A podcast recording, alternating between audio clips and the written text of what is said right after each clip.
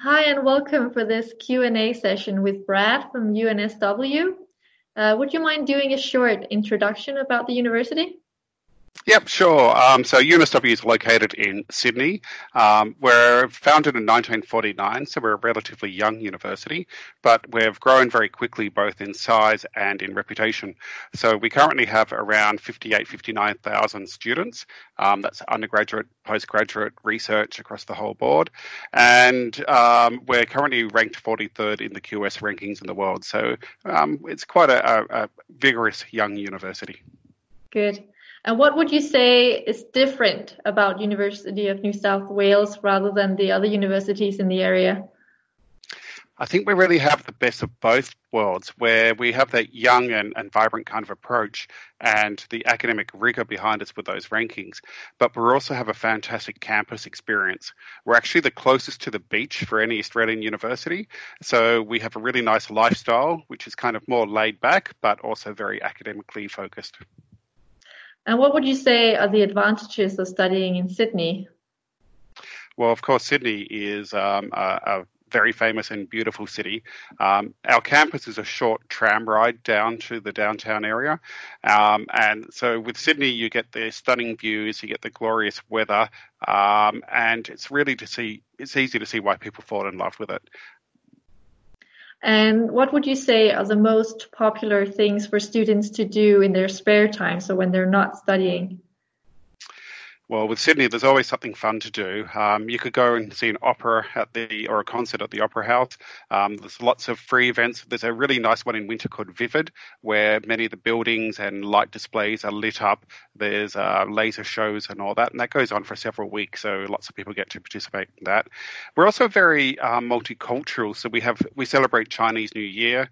Um, we have a German festival, a part of Oktoberfest, of course, and it's really really something to do all year round. But um, Sydney is also the business centre of Australia. So we're not just the fun and the beautiful city, but it's where the economic focus is. And so all of the multinational companies have their headquarters in Sydney for all of Australia and often for the Asia Pacific area as well. So students can make a really good business connection as well as enjoying the lifestyle. Good, thanks. And what would you say the first week looks like for an international student? So, what would they do upon arrival, and do you assist them somehow? UNSW had the very first international students in Australia. So we've got the longest experience and we really, really value our international students. We've been doing it for a long time. Um, and so the first week, um, we actually put on the largest orientation week in the Southern Hemisphere.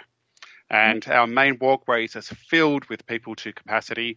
There's lots of clubs and societies. Um, there's just so much to join and get involved in. We also have the largest university bar in the Southern Hemisphere. Um, and so students can go and enjoy a, a, beer maybe at lunchtime down there as well um, and enjoy the other facilities. Good. You mentioned some clubs. Uh, could you be more specific? What kind of clubs, and do you offer some sports as well if they're interested in that? We have over 200 clubs and societies.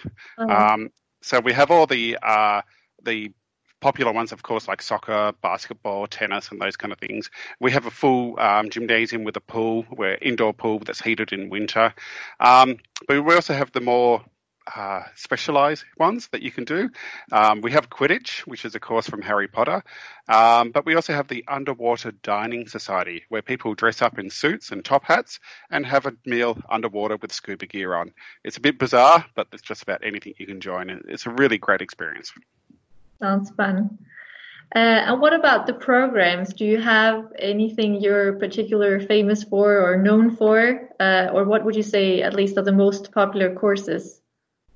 We're a comprehensive university, and so we cover nearly every major that you um, that students ask for. The only things we don't really do is nursing and dentistry, but um, we do nearly everything else. So our biggest faculties are engineering and business, but we also have art and design, we have the built environment, um, we have law, we have medicine, and so students can take a wide range of choices across that area.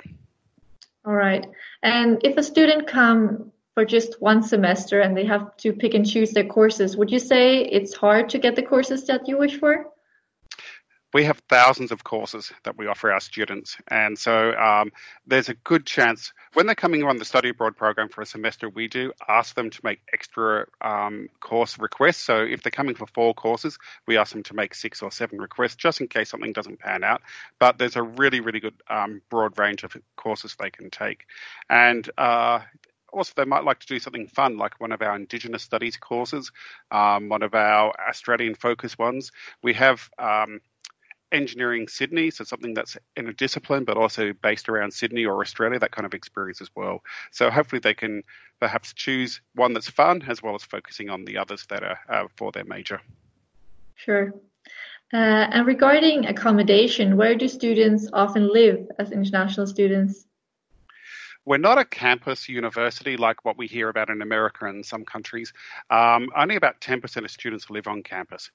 But being closest to the beach, the whole area around the campus is full of students renting a house together or sometimes into a specialized student dormitory as well.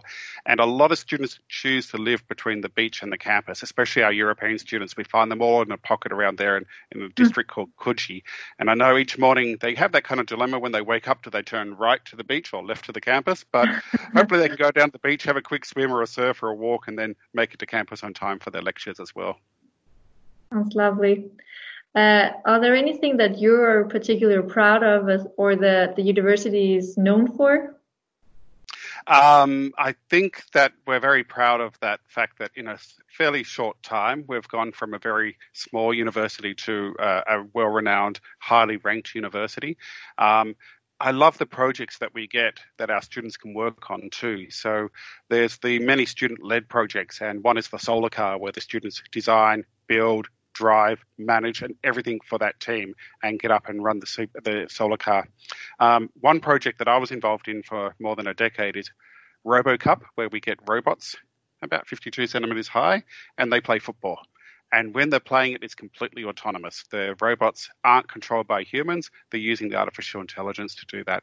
And we've had many international students on that team, including some of our study abroad students. So it's a really good opportunity for your students to be involved in that as well. Cool.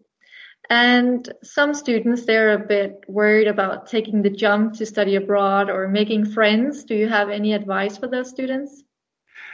Well, as I said, we're the first Australian university to host international students, and so we have a lot of experience in that.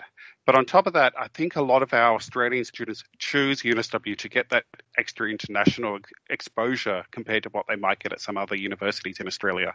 Um, so that's a really big advantage for them too.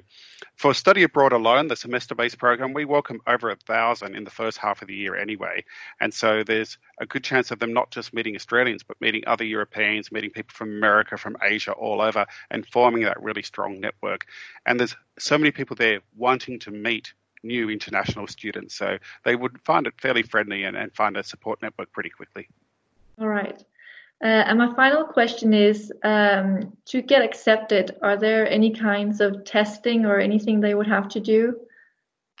Um, so it depends if they're looking at a full degree or a study abroad program and undergraduate or masters, but all of them, of course, have academic entry requirements as well as the English entry requirements. And so, depending on their background at the moment, though we're looking for a um, ECTS level about for the academic entry, um, and for the English, we're looking at IELTS 6.5. But depending again on their background, sometimes their high school studies will satisfy that. That's good.